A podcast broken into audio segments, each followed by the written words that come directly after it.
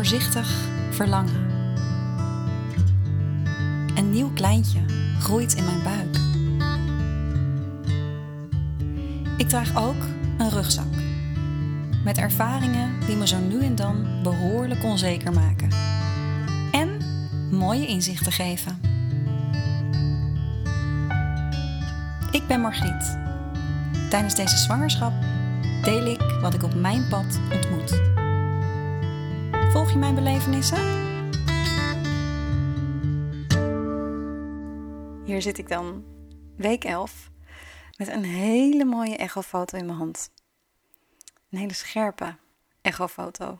En als ik er zo naar kijk, dan voelt het nog steeds onwerkelijk dat dit mooie wezentje, wat al aan het duimen is, week 11 en een beetje, 50 millimeter, voelt het, ja, voelt het heel onwerkelijk dat, uh, dat dit kleine kindje in mij uh, woont op dit moment. En toch is het zo. Vorige week um, heb ik met je gedeeld hoe, uh, ja, wat er in die week speelde. Maar ook vooral dat ik het spannend vond dat volgende dag termijn echo gepland staat. En vandaag deel ik graag met jou ehm, ja, hoe dat is gegaan voor mij. En wellicht ja, helpt het jou ook want ik kan me zo voorstellen dat er ook in jouw zwangerschap spannende momenten zijn. En nou, ik deel in ieder geval de dingen die, uh, die mij helpen daarin. Ja, maandagochtend was het zover. De uh, termijn echo. En het was lekker uh, stil in huis, want we hadden onze dochter Senna uit logeren meegegeven naar opa en oma. En we konden dus lekker rustig de ochtend opstarten. Maar ik voelde wel een, um, ja, een bepaalde spanning kriebel in mijn, in mijn lijf.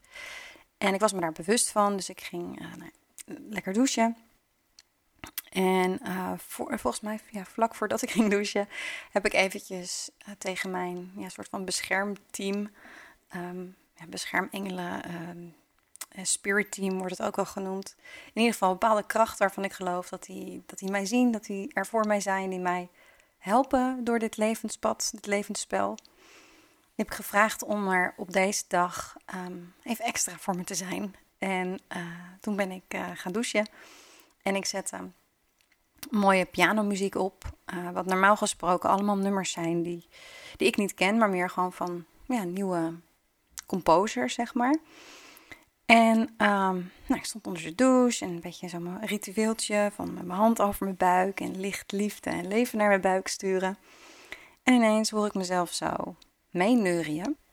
Ik ontdek dat het het liedje is How Wonderful Life Is, Now You're in the World. En toen dacht ik, nou, dat, dat, dat beeld ik me in. Maar goed, toen dacht ik, maakt ook niet uit, al beeld ik het me in. ik vind het een heel fijn nummer nu, want uh, ja, het, is natuurlijk gewoon magisch. Uh, het, het, leven dat in mij zit en hoe mooi het, dat mijn wereld op dit moment maakt. Um, maar toen ik al beter ging luisteren, bleek het dus echt dat nummer te zijn. Terwijl ik dus nog nooit in die lijst een bestaand nummer had gehoord. Laat staan dus iemand die een soort van muzieknummer maakt van een bestaand uh, liedje. En daarna, geloof het of niet, uh, kwam, dat, kwam er weer zo'n zo'n cover. maar dan van What a Wonderful World. What a Wonderful World. Die zo. En toen dacht ik, nou Oké, okay, dankjewel. Voor mij was het de bevestiging ja, dat op me gelet wordt op, in een positieve manier.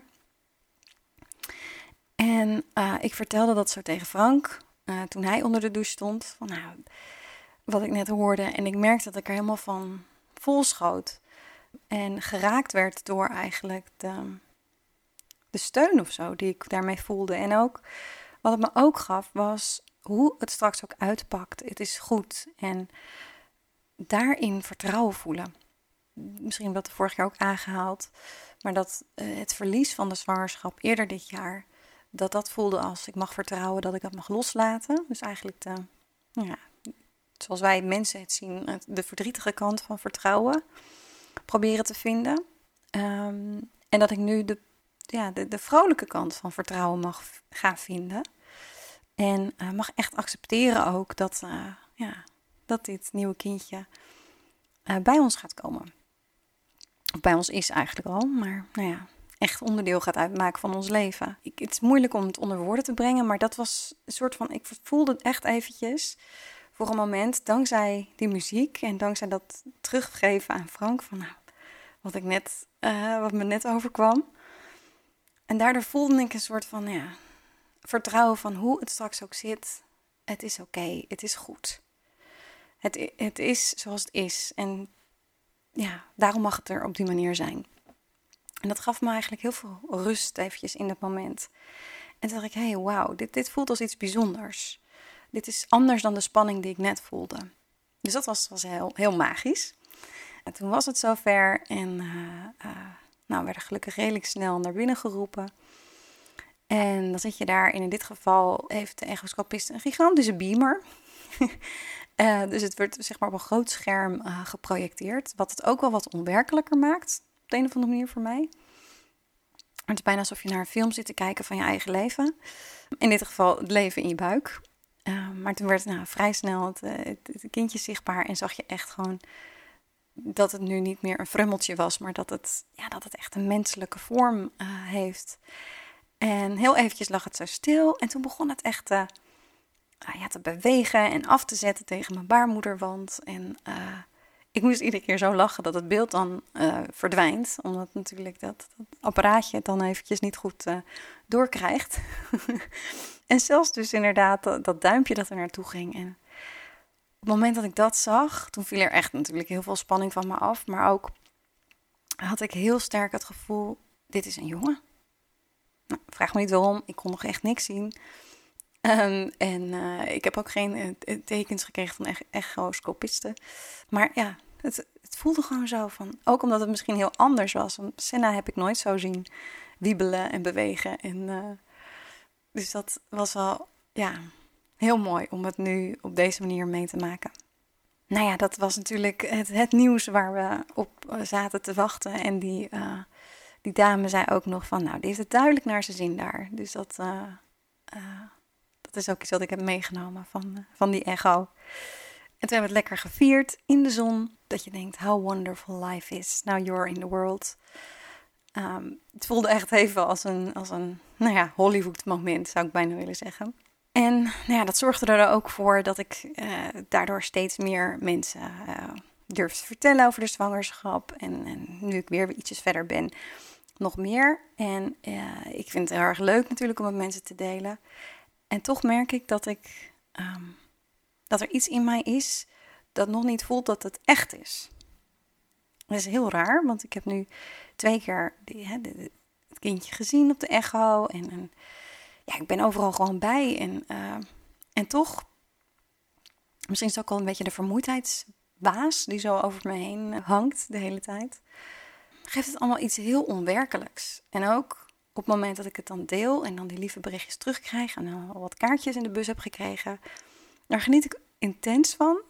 En tegelijk denk ik, ja, maar is het echt zo?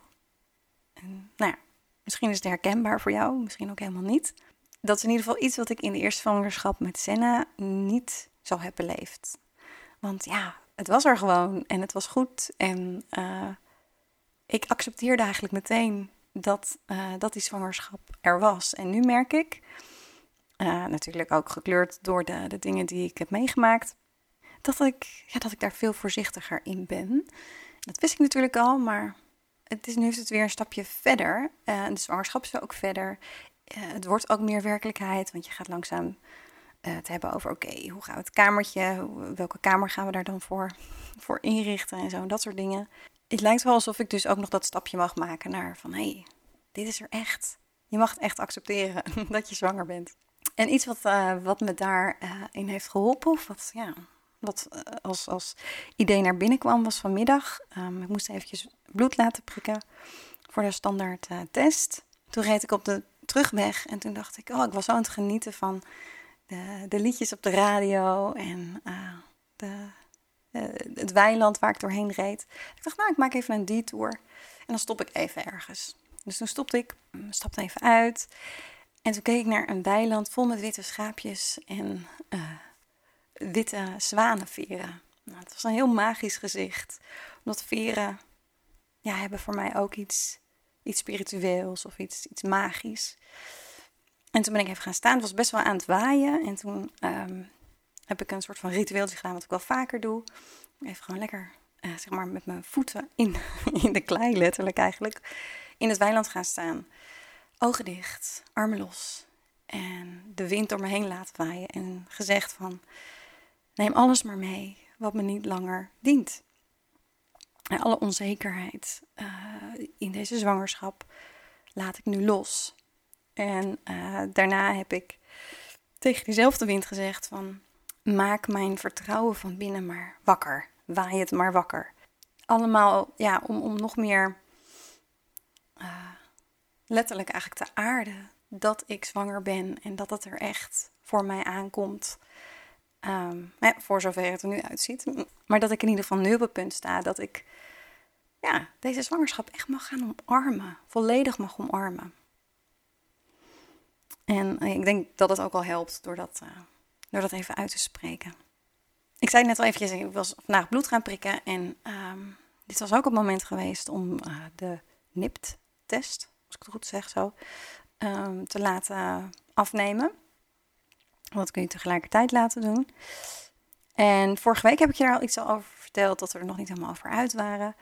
En dat thema dat heeft zich nog eventjes uh, verder uitgewerkt uh, deze week.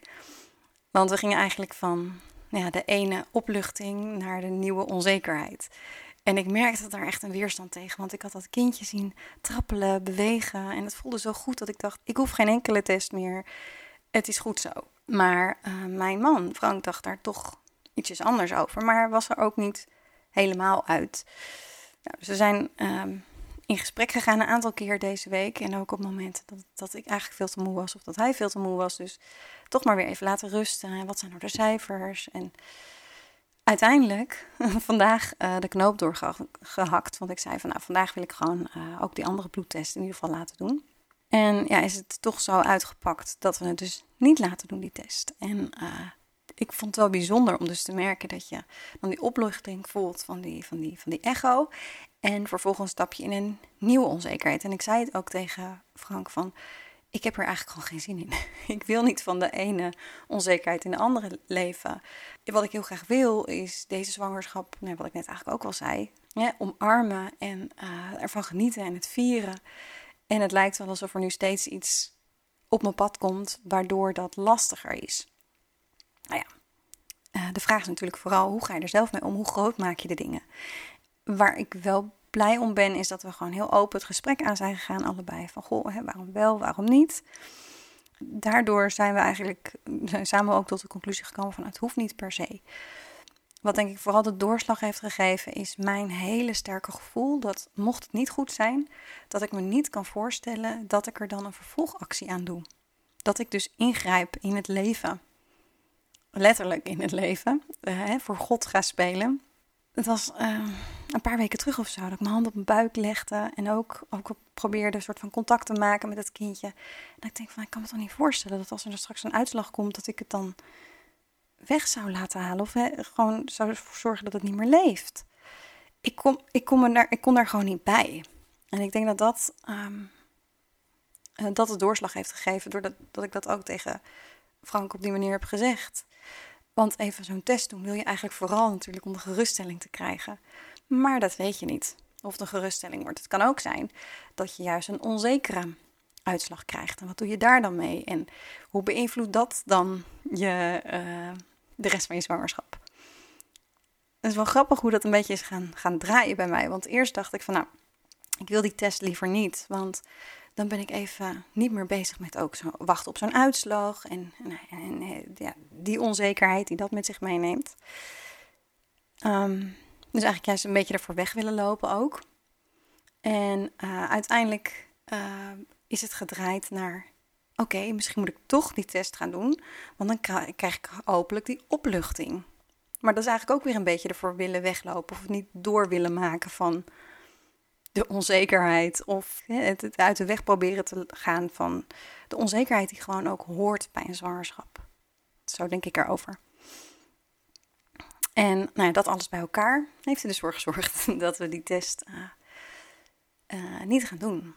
En uh, nogmaals, ik ben blij dat we het er wel over hebben gehad, want daardoor En mocht, mocht er toch dingen niet goed zijn, dan, ja, dan, dan is dit is echt een bewuste keuze geweest. Ehm, en ik zei ook tegen Frank van ik, ik wil ook gewoon steeds meer leven met ja, het tempo van het leven of hè, reageren op wat er op, het, op mijn pad verschijnt. En vertrouwen dat het er mag zijn, de moeilijke dingen en de mooie dingen. Ehm, en als ik nu dan zo'n test ga doen, voelt dat een beetje onnatuurlijk. Ehm, laten we er maar gewoon mee omgaan op het moment dat het op ons pad komt. Want ik wil er ook in geloven dat dat allemaal er voor ons is. Nou ja, en over uh, zwangerschap accepteren gesproken. Iets waar ik deze week een beetje tegenaan liep is: mag ik al mijn positiekleding aandoen? Ik heb natuurlijk nog positiekleding van, uh, van de zwangerschap van Senna. Dus die ligt gewoon onder handbereik. Wat dat betreft makkelijk. Maar ik merkte dat ik daar ook een beetje tegenaan hikte. Van, um, ja, mag ik dat nu al aan? Op de een of andere manier voelde dat als een stapje. Terwijl ik al een week of zo een beetje zat te klooien met uh, nou, de broek regelmatig open. Met zo'n haarbandje. Uh, dat je het iets verlengt, dat je iets meer ruimte hebt. Um, uh, want mijn buikje is gewoon best wel al aanwezig. En dus die baarmoeder die neemt behoorlijk al wat, wat, wat ruimte. om ervoor te zorgen dat die kleine lekker kan groeien. Ehm, maar goed, ook deze week dus besloten van, nou, ik ga het gewoon aantrekken. En dat was best gek. Ik heb ook nu, nu broek met een brede band aan. En um, die strakjes helemaal over je buik heen kan. Nou, dat is nu nog een beetje onzin. Dus die heb ik dan nu dubbel gevouwen. Dus het is een beetje creatief zijn met, uh, met kleding. Het voelt wel echt een stuk lekkerder.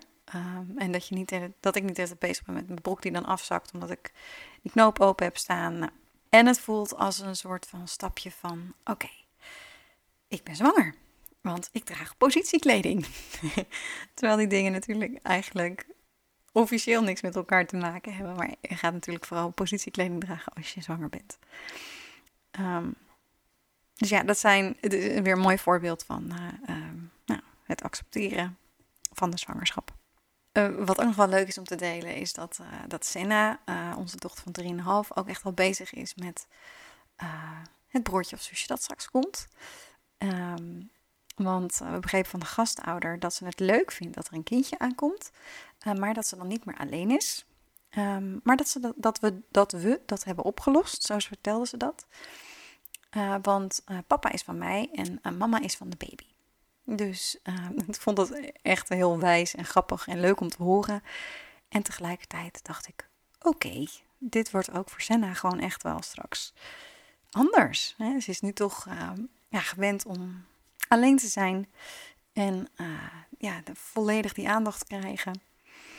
En nou goed, ik denk ook dat het goed is. Ja, om dat ook thuis te leren, dat, uh, dat de aandacht verdeeld is. En ja, ik denk echt dat het haar wereld gaat, uh, gaat verrijken. Ja, zo zijn we ons allemaal een beetje op aan het voorbereiden. Ik had nog een mooie ingeving van de week. Um, ik merk dat, bepaalde hè, voedingsstoffen en zo wil je heel graag eten. Of waar ik bijvoorbeeld echt niet tegen kan, is als mijn man een, uh, een eitje staat te bakken. Uh, en zo ben ik ook een beetje zoekende met uh, wat ik wil zien op televisie. Ik hou heel erg van YouTube en allemaal inspirerende mensen volgen. Um, maar ook dat, nou, ben ik een beetje in aan het zoeken. En dan merk ik dat ik het snel uitzet. ik denk, nee, nee, dit staat me even niet aan. En uh, toen kreeg ik dus een ingeving van, ga eens lekker naar een romantische comedy kijken. Dat is echt al zo lang geleden. Sowieso keek ik vrij weinig uh, Netflix meer. En ik heb het dus weer helemaal ontdekt. Dus uh, van de week ook zo waar met, met Frank lekker op de bank naar een romantische comedy gekeken met Reese Witherspoon.